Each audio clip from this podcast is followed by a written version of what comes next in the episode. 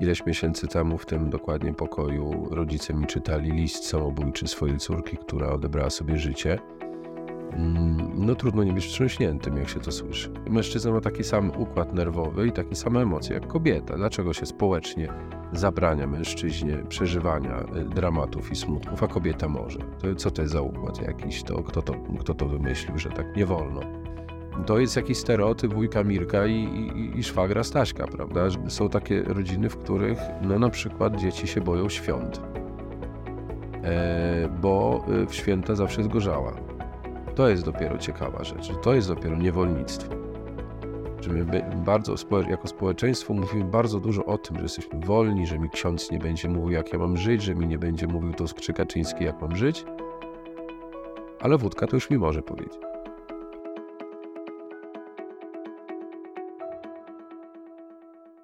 Pracujesz z osobami, które e, mają myśli samobójcze, które są po próbie samobójczej, są historie, które zwalają z nóg? Y, w zasadzie każda historia zwala z nóg, bo praca z człowiekiem, który ma myśli samobójcze, to jest praca z człowiekiem, który, którego w życiu się coś zadziało takiego, że już nie chce żyć. Mówię w dużym uproszczeniu, bo nie każda myśl samobójcza jest już decyzją. Y, bywają takie myśli samobójcze, które są efektem y, pewnego życiowego kryzysu czy trudów. Niemniej jednak, no jeżeli człowiek, który ma y, pewien instynkt samozachowawczy, który żyje i widzi, że to życie ma swoje dobre i złe strony, ale w pewnym momencie dochodzi do takiego kryzysu, że już nie chce żyć, to jest zawsze historia, która zwala z nóg.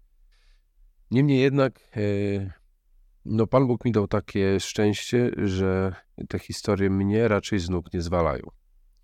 I moi koledzy z zespołu, czy z jednego, czy z drugiego, też y, raczej y, jakby dają sobie z tym radę, chociaż bywają sytuacje czy przypadki, w których jesteśmy również wstrząśnięci, bo, bo dramat jest bardzo głęboki.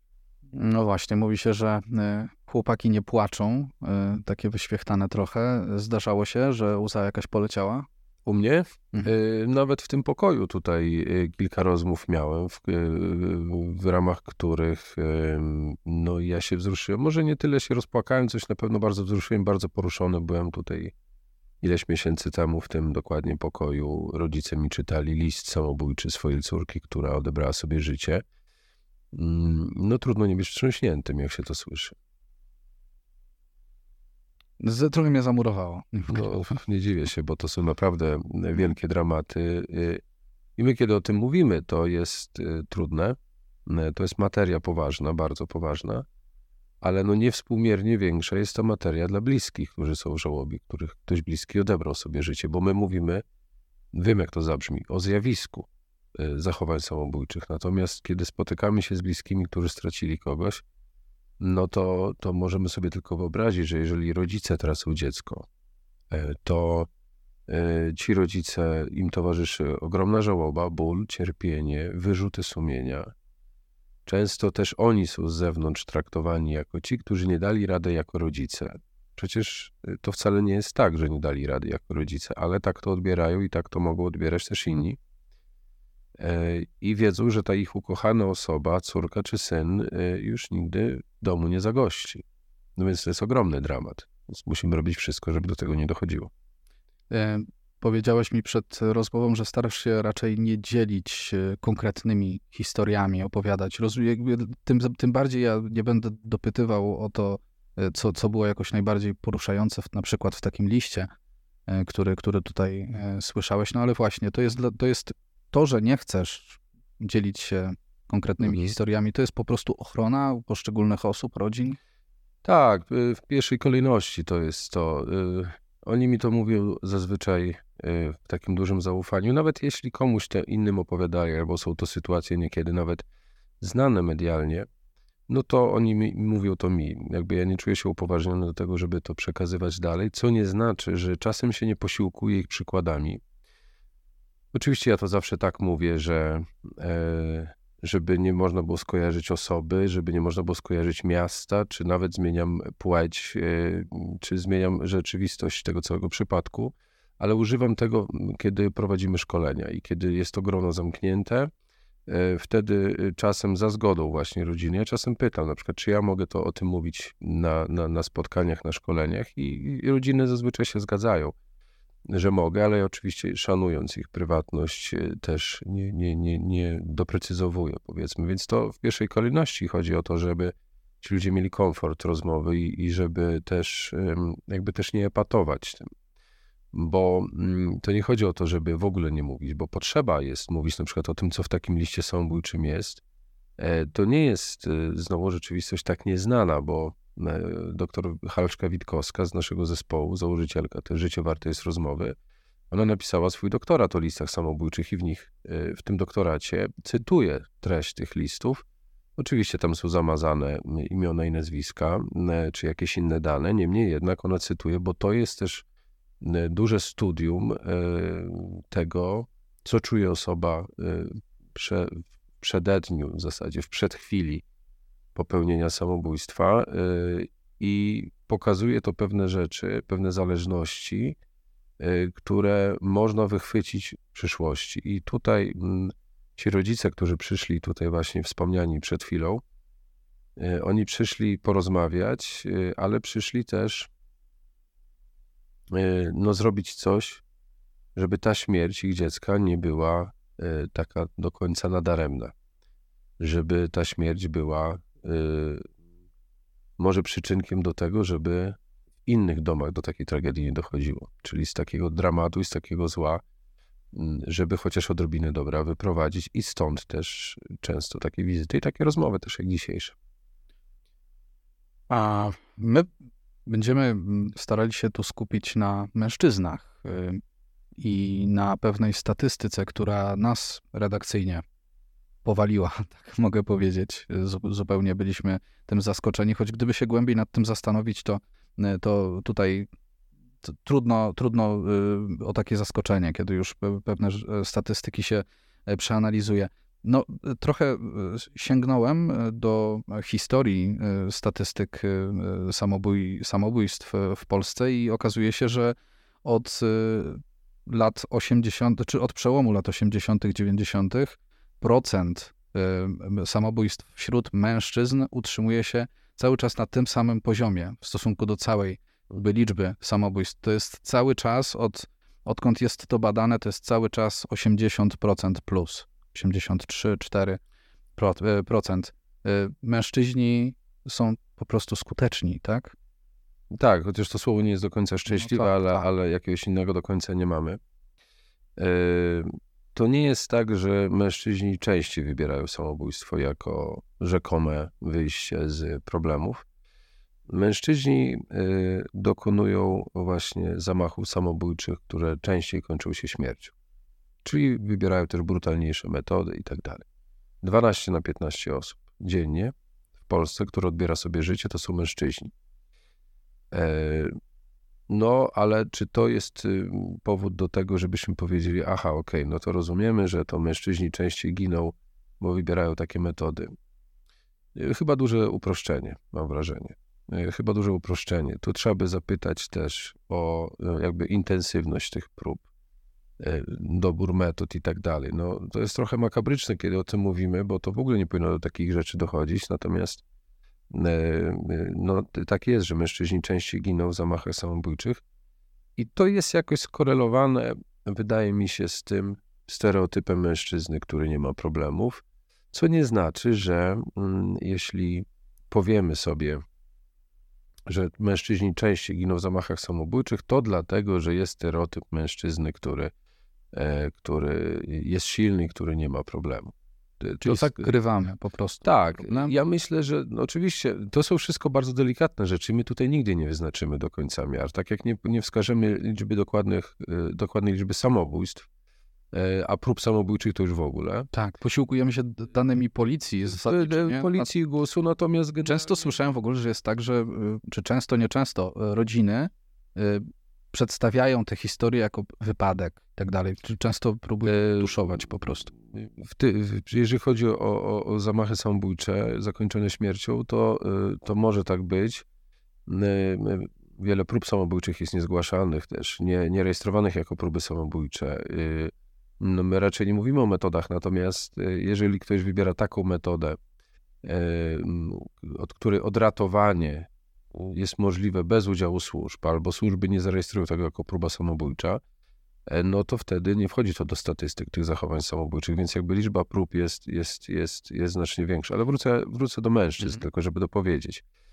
E, myślę, że to może tak być, że mm, te, ten wybór metod i ta w cudzysłowie, jeszcze niefortunne to słowo powtórzę, y, skuteczność prób samobójczych jest y, też powodowane tym, że w mężczyznach to napięcie może narastać dużo mocniej, bo my nie jesteśmy nauczeni do końca mówić o emocjach, y, skrywamy te emocje, skrywamy trudności, nie chcemy wyrażać tych trudności. No właśnie to, co się mówi, chłopaki nie płaczą, albo nie bądź baba i nie płacz. Y, a potem co? No, przecież człowiek, mężczyzna ma taki sam układ nerwowy i takie same emocje jak kobieta. Dlaczego się społecznie zabrania mężczyźnie przeżywania y, dramatów i smutków, a kobieta może. To, co to jest za układ jakiś? To, kto, to, kto to wymyślił, że tak nie wolno? To jest jakiś stereotyp wujka Mirka i, i, i szwagra Staśka, prawda? Chwilka przerwy. Jeżeli słuchasz nadal tej rozmowy, to znaczy, że cię zainteresowała. Zasubskrybuj nasz kanał, daj łapkę w górę, skomentuj, jeżeli uważasz, że to jest warte twojego komentarza, o czym tutaj rozmawiamy. Wracamy. Dziewczyny jak się spotkają, to se popłaczą, tam się napiją kawy albo winka, trochę się wypłaczą, wyściskają, pocieszą. E, e, a faceci jak się spotkają, to prężą muskuły i, i opowiadają o silnikach e, swoich samochodów, o inwestycjach, o pieniądzach, bitcoinach i, i, i, i robocie i dziewczynach. A kiedy powiedzą o silniku ich wewnętrznym, o silniku uczuć, silniku emocji, smutków, no nie powiedzą. Czasem powiedzą, ale, ale dużo rzadziej. Prawda? No, bo, ktoś, bo ktoś powiedział, że nie wolno. Słuchałem e, tego, co mówiłeś przed chwilą, te, te 3-4 zdania i tak e, odnajdowałem się w, w, tym mocno osobiście.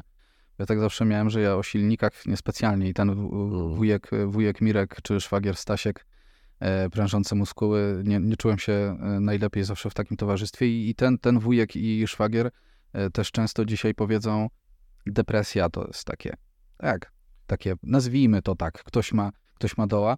Y, dotarłem do danych, y, które też są niemiarodajne, ale według y, NFZ-u 73% osób, które leczą się na depresję, to są kobiety. Jakby, I to są dane wyłącznie NFZ-u. My wiemy, że leczą się ludzie głównie prywatnie, mhm. jeżeli już, najczęściej, ale to już nam też daje jakiś, jakiś szerszy obrazek. My jako mężczyźni, myślisz, też bagatelizujemy po prostu ten, ten problem? W ogóle faceci bagatelizują sprawę swojego zdrowia i ja wiem, że my się posługujemy stereotypem sprzed lat 15 czy 20. Że to nie jest do końca tak, bo dzisiaj mężczyźni chodzą na terapię, dzisiaj mężczyźni chodzą do psychiatrów, chodzą do, do, do psychologów. E, to nie jest tak, że nie. Natomiast e, ten stereotyp jest trochę przestarzały, ale wciąż funkcjonujący. I pewnie tak jest. No, to jest trochę wstyd y, pójść y, na terapię, wstyd pójść do psychologa, już do psychiatry, nie daj Boże. To się też na szczęście w Polsce zmienia, że to pójście do psychiatry nie oznacza, że jestem wariatem, że jestem psychiczny, że jestem czubkiem. To, to, to, to są cytaty oczywiście, ale rozumiemy, że to funkcjonuje. To jest nieprawda. Często też powtarzam facetom, szczególnie w kazaniach, jak jest takie trochę przypadkowe grono, to mówię, że no panowie, to mówię, to nie jest tak, że męskość polega na tym, że mówię, że nie mam problemu, że wszystko ok. Męskość polega na tym, że widzę problem i go biorę za rogi, łapię się z nim za rogi i się z nim będę teraz naparzał. Y, to jest męskość. Mówienie, że wszystko jest ok. No, stwarzanie wrażenia takie. To jest sprężenie takie mhm. mózgów, które się potem odbija tym, że jak chłopy się napiją, to potem jedni na wesoło, ale większość płacze. Mhm. Dlaczego? No bo alkohol e, chemicznie uwalnia pewne rzeczy i, i społecznie e, luzuje pewne takie hamulce, które e, szczególnie faceci mają. I jak się napiją, to mówimy, że ktoś się upija na smutno. No to co to znaczy, że się upija na smutno? To znaczy, że w nim coś jest smutnego i ma jakieś żale i alkohol to tylko uwalnia. Więc skoro tak, no to po co wódkę pić i, żeby się wypłakać, powiedzmy, no to, to zacznijmy rozmawiać na te problemy. To nie chodzi o to, że teraz mm, e, wrócę do tego nieładnego powiedzenia, że ktoś jest jak baba, prawda? Ale to chodzi o to, że każdy ma prawo. No, nie chodzi o to, żeby się rozczulać też nad sobą i tam się um, rozpłakiwać. Chodzi o to, żeby um, umieć powiedzieć, to jest dla mnie trudne, y, tutaj sobie nie radzę. A co w tym złego, że sobie nie radzę? Mhm. Jedni sobie radzą, to sobie nie radzą. No. Nawiązałeś do, do alkoholu. Ja o to chciałem zapytać w ogóle później. No właśnie, to jest tak, że ostatnio to często do mnie dociera, jakoś mocno mnie to dotyka, że rzeczywiście my e, na przykład przejście granicy 18 lat kojarzymy bardzo często nadal z tym, że no, mogę się już legalnie napić, czyli jakby alkohol jest bramą do dorosłości. Dwa, dwa, no, dwa takie argumenty. Mogę zrobić mm. prawo jazdy i mogę kupować alkohol. Tak, tak. No i właśnie, i teraz widzisz, czy masz do czynienia z osobami młodszymi, osobami starszymi, po próbach samobójczych czy z myślami samobójczymi, ten alkohol, on gdzieś tam jest w tle właśnie tych sytuacji kryzysowych nadal? Bardziej, bardziej u dorosłych. Mhm. Bardziej u dorosłych. E, u młodych osób e, często tłem jest brak poczucia sensu życia, brak poczucia własnej wartości. Czyli te krzywdy, które. Który zakładam wynika trochę, czy wynika często z tego, że jest alkohol właśnie u rodziców, u dorosłych? No, w ogóle dysfunkcja rodziny jest tutaj bardzo silnym bodźcem takim negatywnym, czy stresorem. E, natomiast y, alkohol, rozbita rodzina, jakaś złość, nienawiść, przemoc, molestowanie seksualne to są rzeczy, które sprawiają, że człowiek bywa e, jakby przetrącony już w swoim życiu na starcie.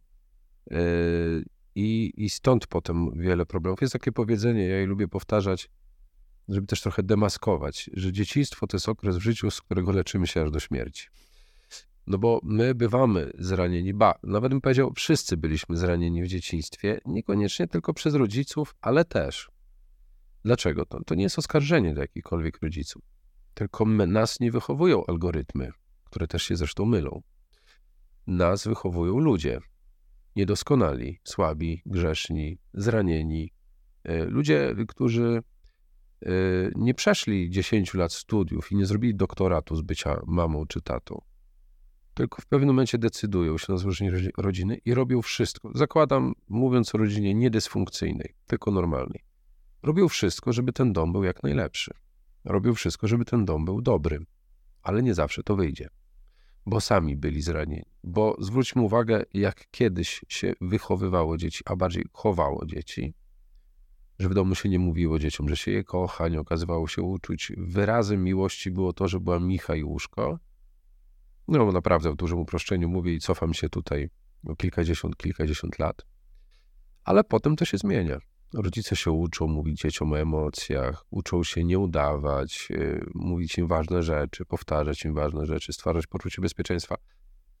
To się zmienia, no ale generalnie tak, no, w domu y, bywaliśmy zranieni, w środowisku rówieśniczym bywaliśmy zranieni, bo koledzy bywają bezwzględni. E, w szkole y, nie każdy nauczyciel y, też wiedział, jak być dobrym pedagogiem. To się dzieje zresztą do dzisiaj. W środowisku kościelnym nieraz ktoś poszedł do spowiedzi i usłyszał od księdza jedno zdanie za dużo, bo tam ksiądz powiedział, albo w kazaniu, albo na katechezie, albo gdzieś tam. No my jesteśmy ranieni przez ten. A, a dlaczego mówimy o dzieciństwie? Bo w dzieciństwie my nie mamy wykształconych mechanizmów obronnych. My nie mamy wykształconych tych metod radzenia sobie z trudnymi bodźcami. No więc dlatego to nas y, bardziej rani. Bo potem jako dorośli, no to to machniemy ręką, powiemy głupi lekarz, głupi ksiądz tam, czy tam głupi policjant, prawda? A, a, y, ale jako dziecko, no to patrzymy na świat dorosłych, jako na autorytety, które nas ranią. I, i stąd się bierze ten, ten początek. I wracam tu do alkoholu. Y, a jeśli jest alkohol, to za alkoholem, szczególnie w przypadku takiej dysfunkcji dużej rodziny, no idzie poczucie, zaniżone poczucie własnej wartości, bo nie dostaje się bodźców pozytywnych tyle, co powinno się dostać, a dostaje się bodźce negatywne.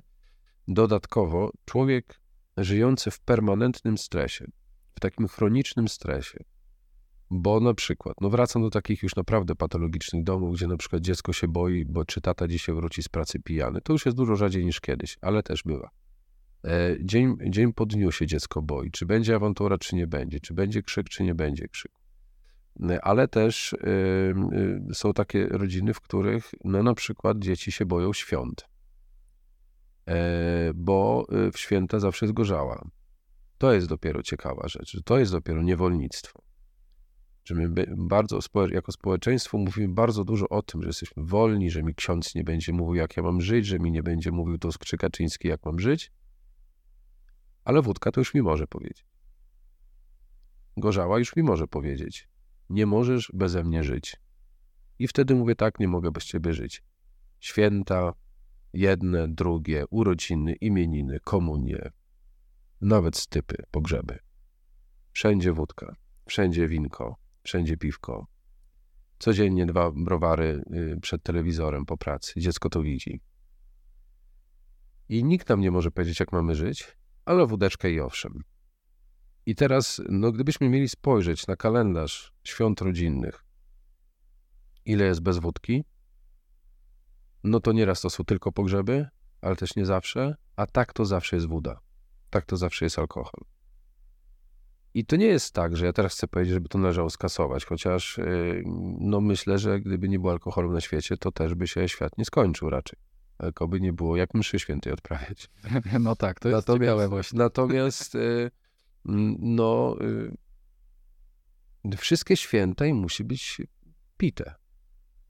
Miałem cię zapytać za chwilę, no. E, czy ty w ogóle pijesz alkohol? No, pijesz. Ja no to pijesz, bo, pijesz, bo właściwie odprawiasz mszę. No ale to tutaj trochę w innym charakterze, natomiast tak, y, y, tak, ja mieszkam trochę we Włoszech, tam jest też trochę, mhm. e, trochę ten. Natomiast jakby też nie mam problemu, wiele, wiele lat w swoim życiu rezygnowałem, nie piłem tego alkoholu. Do 18 roku życia nie piłem.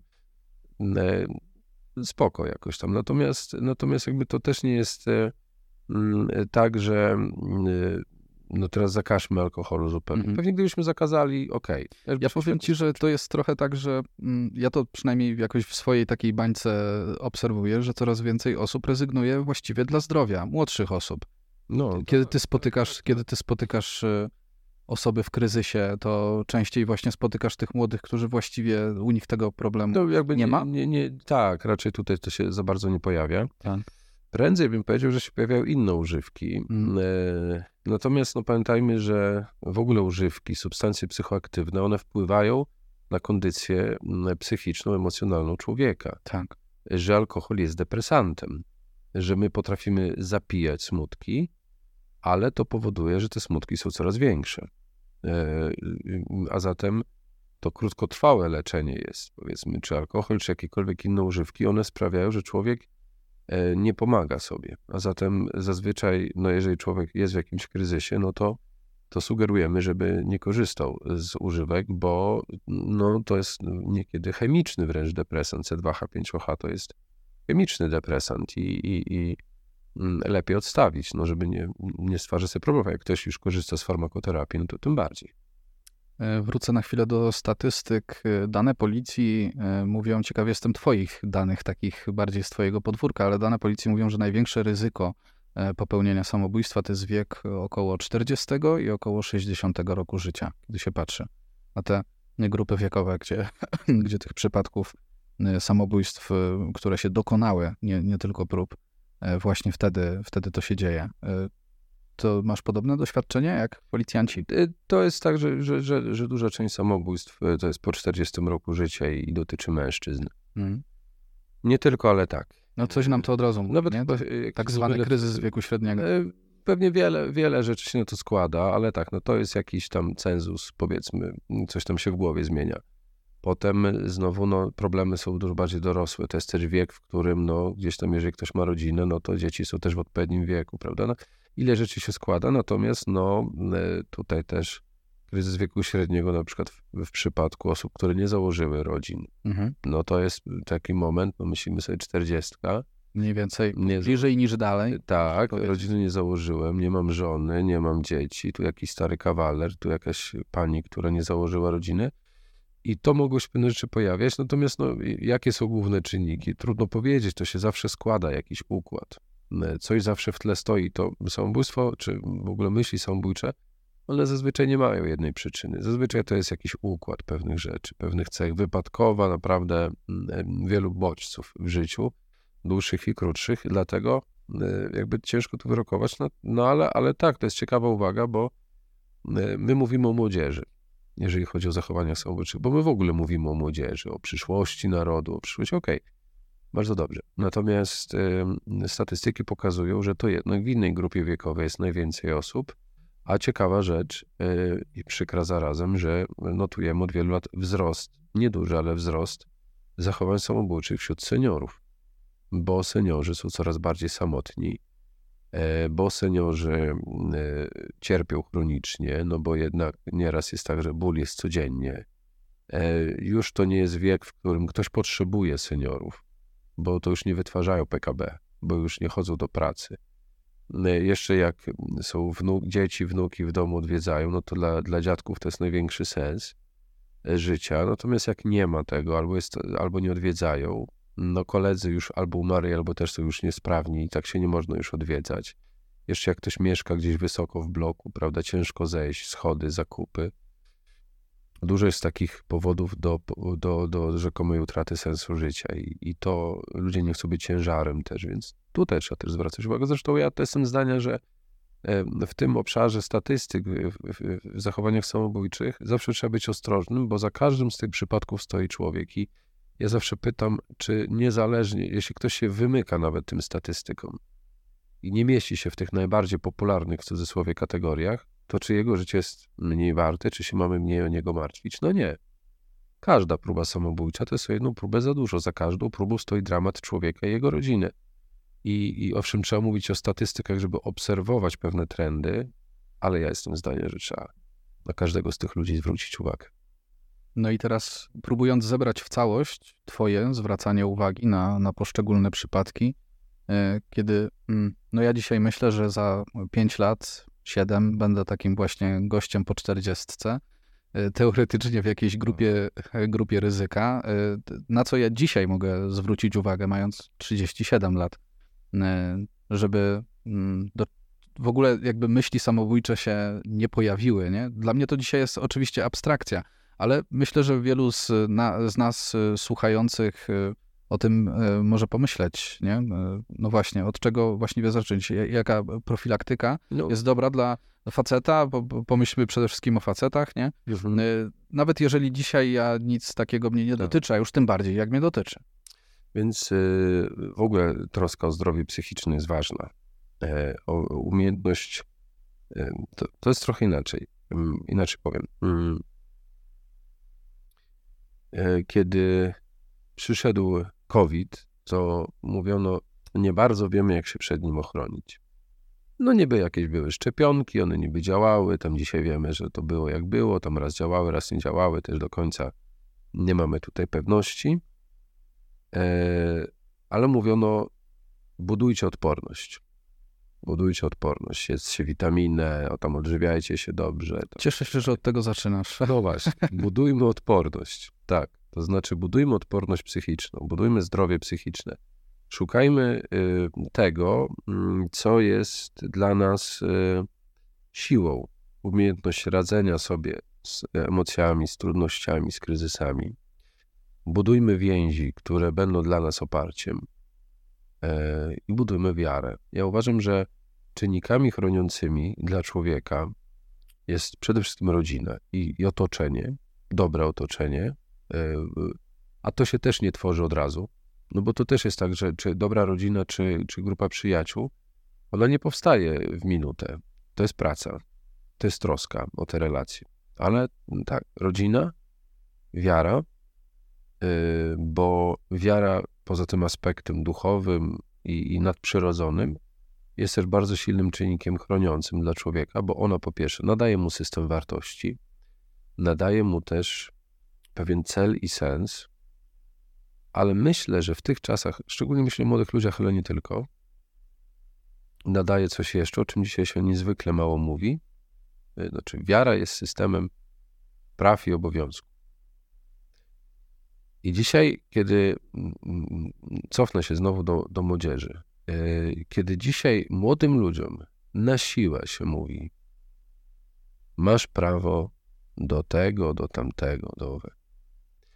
Co więcej, buduje się w nich poczucie, że y, jeśli komuś nie będzie pasować to, jaki jesteś, jak się zachowujesz, jak się wyrażasz, jak żyjesz i jak wyglądasz, to jest jego problem, nie twój.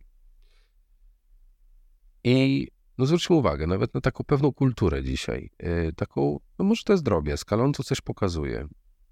Ja nie wyobrażam sobie, żebym jako małolat zrobił sobie tatuaż w widocznym miejscu. Dzisiaj młodzi ludzie są wypisani na całych rękach, gdziekolwiek indziej. Mają jakieś takie znaczki po, po, podrukowane na rękach. Mi to zawsze się kojarzy z takim, jak ktoś kiedyś złamał rękę miał gips na ręku, to mu się cała klasa podpisywała na tym gipsie. Fu. Natomiast y, dzisiaj to nie jest na gipsie, dzisiaj to jest na ręku. Mam ochotę sobie tutaj wytatuować kostkę Rubika, to sobie ją wytatuuję. Dlaczego by nie? Jak komuś będzie przeszkadzać, to jest jego problem. A wiara i dobre wychowanie stawia wymagania.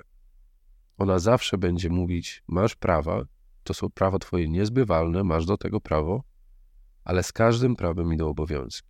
My nie mamy jedynie praw, będąc kierowcami na drodze, będąc pracownikami, będąc obywatelami. Nie mamy tylko praw, mamy też obowiązki. I dzisiaj, jeśli ktoś próbuje mówić młodym ludziom o obowiązkach, to jest bardzo niepopularne. A to nie prawa wzmaga, wzmacniają człowieka, tylko wykonywanie obowiązków. Prawo daje poczucie bezpieczeństwa, natomiast rozwój daje obowiązki. My, żebyśmy nie mieli, dlaczego mamy w, w Polsce obowiązek szkolny? Dzisiaj 14-latek może powiedzieć swoim rodzicom, ja jestem niewierzący, nie będę chodził do kościoła. I rodzice mówią, okej, okay, dobra, no nie chcę chodzić, niech nie chodzi. A dlaczego nie może powiedzieć, że nie chce chodzić do szkoły, że chce być głąbem niewykształconym? A po ósmej klasie to ciekawe, jak to jest właściwie. Y, do 18 roku życia jest 18, okay. Więc y, dlaczego nie może powiedzieć, ja swoją edukację kończę na podstawie, ja mam ochotę być niewykształconym obywatelem. No i co? I nagle państwo mówi, ale ty musisz. A jak musisz? To zwolnijmy nastolatków. Jeżeli możemy zwolnić ich z wiary, w momencie, w którym ta wiara się kształtuje, albo rodzice mówią, nie będziemy chrzcić, niech sobie wybierze, to dlaczego też ci sami rodzice nie mówią, niech sobie wybierze, jak będzie miał 18 lat, czy chce zęby myć? Na razie niech nie myje. Niech nie mówi dzień dobry sąsiadom. Dlaczego tylko z wiary zwalniamy? Bo wiara, bo zwolnienie z wiary nie ciągnie za sobą jakichś widocznych od razu konsekwencji. Dlatego tu następuje szybko zwolnienie. To jest niezwykle szkodliwe, bo powtarzam, nawet jeśli ktoś nie wierzy w ten świat nadprzyrodzony, to proszę zwrócić uwagę, ile dzieci niewierzących rodziców chodzi do katolickich szkół. Bo tam są wymagania. Tam nie jest tak, że tam są prawa, że te dzieci mają większy luz. One tam mają więcej wymagań. No trochę tak. To patrząc od tej strony, rzeczywiście bierzemy jako rodzice w ten, w ten sposób z kościelnej rzeczywistości to, co dobre. Systemu wartości niekoniecznie, ale, ale podejście do młodych tak, ludzi tak. Wymagania dzisiaj kształtują. Dlatego wracam do Twojego pytania o, o, o zdrowie psychiczne. To, co powiedział Jan Paweł II, musicie od siebie wymagać. Wbrew wszelkim mirażom ułatwionego życia musicie od siebie wymagać, to znaczy właśnie więcej być. Więcej być, czyli więcej żyć, pełniej żyć, to nie jest korzystać z życia na lewo i prawo, bo to jest y, katastrofalne. Mhm. Więcej żyć to znaczy rozwijać się. A jak my chcemy, żeby coś się rozwijało, to musimy temu nadawać kształt. To jest tak, jak my mamy y, plastelinę i chcemy, żeby coś z niej było, to musimy ją uciskać. Jak rzeźbiarz chce wyrzeźbić, to musi tym dłutem uderzać w drewno czy w skałę. Jak y, ktoś, y, ja nigdy tego nie robiłem, ale może kiedyś jeszcze spróbuję, ktoś zajmuje się garncarstwem na przykład i ma tę glinę, to nie stworzy nic pięknego, jak zostawi tę glinę i włączy ten silniczek. To się ta glina rozchlapie, będzie po wszystkim. I trzeba uciskać, nadawać kształt i ono wtedy jest piękne. Wiesz co, to nasuwa mi y, coś, co ciągle mi krąży z tyłu głowy w kontekście zdrowia. Ty mówisz o zdrowiu psychicznym, ja trochę myślę o zdrowiu fizycznym. Dlatego też powiedziałem, że cieszę się, że od tego zaczynasz, od tej odporności, mhm. budowania odporności. Ja to rozumiem konkretnie w, w sensie psychicznym. My jako faceci potrafimy być sprawczy w tej sferze. Widzę to po sobie. Ja z dwa lata temu się trochę styłem i podjąłem decyzję. Wchodzę w okno żywieniowe, y, zimny prysznic rano, zaczynam ćwiczenia, pomału, małymi mhm. krokami i to idzie. I to się okazuje, że się da, chociaż miałem mało wiary na początku, że to się da zrobić. Mhm. To się okazuje, że pewne nawyki się nawarstwiają i ty czujesz, że żyjesz, tak. wysypiasz się i tak dalej, nie?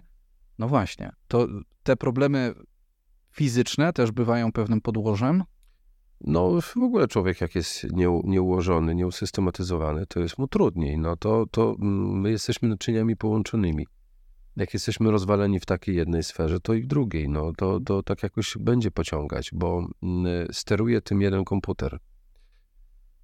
I e, jeżeli my jesteśmy nieuporządkowani mm, w jednej sferze, to być może możemy być i w drugiej sferze. Więc, więc po prostu no, jest takie łacińskie powiedzenie e, serva ordinem et ordo te servabit, czyli zachowaj porządek, a porządek zachowa ciebie. To mhm. jest niezwykle ważne. Jeśli chcemy się utrzymać na powierzchni, jeśli my chcemy mm, e, mieć wpływ na swoje życie, to niezależnie czy mówimy o sferze fizycznej, duchowej czy psychicznej, E, to po prostu trzeba e, zachowywać pewien ład i porządek, no inaczej do niczego nie dojdziemy. E, przejdźmy jeszcze na koniec do suicydo suicydologii jako takiej. Ty sam chciałeś? Biskup cię wysłał? Skąd to się wzięło w twoim życiu w ogóle? Nie wiem. ja zawsze się trochę nabijałem z tego, jak księża albo tacy ludzie związani z Kościołem, tak jak chcieli nadać swoim decyzjom E, taki mm, religijny charakter, to mówili, e, Pan Bóg dał taką łaskę. I zawsze nie, mów, nie mówisz tak, rozumiem. Ja tak nie mówię. E, ja tak nie mówię, chociaż uważam, że to wszystko, co w moim życiu się dzieje, kapłańskim, gdzie, gdzie posługiwałem, gdzie pracowałem, jak to się układa, to jest wszystko Boży plan, bez wątpienia. Ja w kapłaństwie nic sobie nie, program, nie programowałem, nigdy się nie podejrzewałem, że będę pracował wiele lat w redakcji, że będę pracował w Instytucie Pamięci Narodowej, że będę brał udział w ekshumacjach, że będę się zajmował suicydologią. Nigdy tego nie planowałem i nie wiem, co przede mną.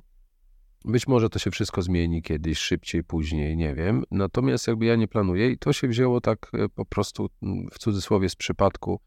E, lata już temu mm, szukano księdza, który mógłby powiedzieć o roli duchownych w procesie towarzyszenia. Ja, ponieważ E, hołduję w zasadzie nie znam się, więc się wypowiem. E, zostałem zaproszony i e, miałem wystąpienie. To było bardziej kazanie, aniżeli wykład na konferencji. Na szczęście to było pod koniec dnia i wszyscy byli zmęczeni. Ale zobaczyłem, jaki to jest obszar.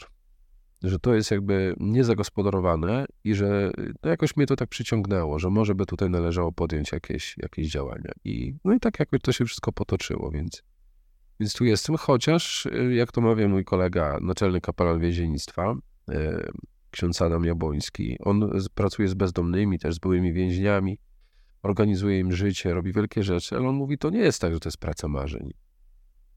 To nie jest tak, że to jest, moim marzeniem było pracować z osobami w kryzysie. To jest to materia naprawdę trudna i na granicy życia i śmierci. Trudno tego chcieć ale jeśli Pan Bóg mnie tu postawił i jeżeli tutaj ta praca jakoś tak idzie do przodu i, i widać tutaj Boże błogosławieństwo, to to robię. Natomiast, no, żebym ja kiedyś sobie kładł się spać i marzył sobie, że ja będę pomagał ludziom w kryzysie, to nie. To, to jakby ja tego nigdy nie planowałem. E, I w tej chwili ja czuję, że to jest Boże plan i mi tutaj jest ok. Natomiast to nie było moje marzenie. Życie warte jest rozmowy to jest projekt, w którym e, bierzesz udział. Na czym on polega? To jest taki wielopoziomowy projekt. W pierwszej kolejności to jest taki portal, na którym jest bardzo dużo treści pomocowych, takich, byśmy powiedzieli, offline, to znaczy wiele poradników, jakichś takich treści, baza adresów pomocowych w Polsce, jakichś wskazań, jak rozmawiać ze sobą w kryzysie, o mitach na temat samobójstw i tak. Jest też część interaktywna, to znaczy ta część, gdzie my odpowiadamy na, jako specjaliści na, na zapytania, na prośby, na apele ludzi, którzy potrzebują się skontaktować ze specjalistą. E, I trzecia rzecz to są konsultacje, które my prowadzimy. E, konsultacje dla rodziców, których dziecko jest w kryzysie lub po próbie, dla szkół, dla osób w żałobie, które straciły kogoś bliskiego w wyniku samobójstwa e, i dla duchownych. E, akurat to jest działka, którą ja się zajmuję. Jeżeli duchowni w swojej praktyce duszpasterskiej mają kontakt ze sobą w kryzysie i potrzebują takiego wsparcia, takiej superwizji trochę, takiego zaplecza, to mogą się zgłosić. Natomiast te wszystkie konsultacje są bezpłatne. E, I więc, więc to jest ten obszar takiego działania. No i dodatkowo szkolimy. Szkolimy, y, prowadzimy zajęcia, Czasem szkolimy jako biuro do spraw zapobiegania zachowaniom samobójczym w Instytucie Psychiatrii, bo tam też duża część z nas pracuje i też ja tam jestem zatrudniony w tym biurze w Instytucie Psychiatrii e, i Neurologii w Warszawie. E, ale też e, czasem szkolimy, spotykamy się, edukujemy. No właśnie zespół Życie Warte jest rozmowy. I, I tutaj też jest taki spory obszar, powiedzmy, działań.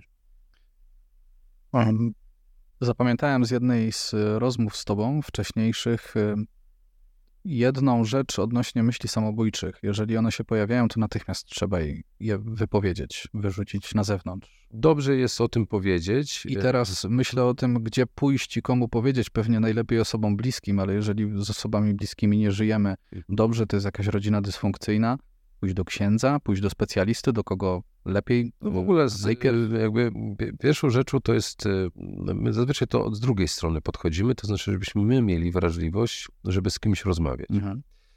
E, żeby móc poświęcić czas, e, żeby go wysłuchać, no bo to jest jakby celem rozmowy takiej pomocowej, żeby ktoś mógł powiedzieć. I jak my u siebie widzimy, no dobrze było, żeby ktoś nas wysłuchał. To jest takie ładne zdanie, czy mógłbyś mnie wysłuchać?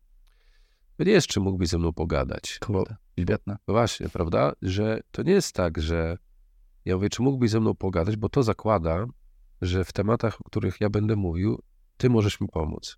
A to nie o to tak, tak chodzi. Tak, tak. To chodzi o to, żebyś... Ja oczekuję od ciebie, tak, żebyś, jakąś żebyś mi dał jakąś odpowiedź. Tak. A ja miałem wiele rozmów, wiele rozmów, w których siedziałem i godzinę słuchałem, na końcu trzy minuty rozmawialiśmy i ktoś wstawał i mówił, dzięki, super się z księdzem rozmawiało. Mhm.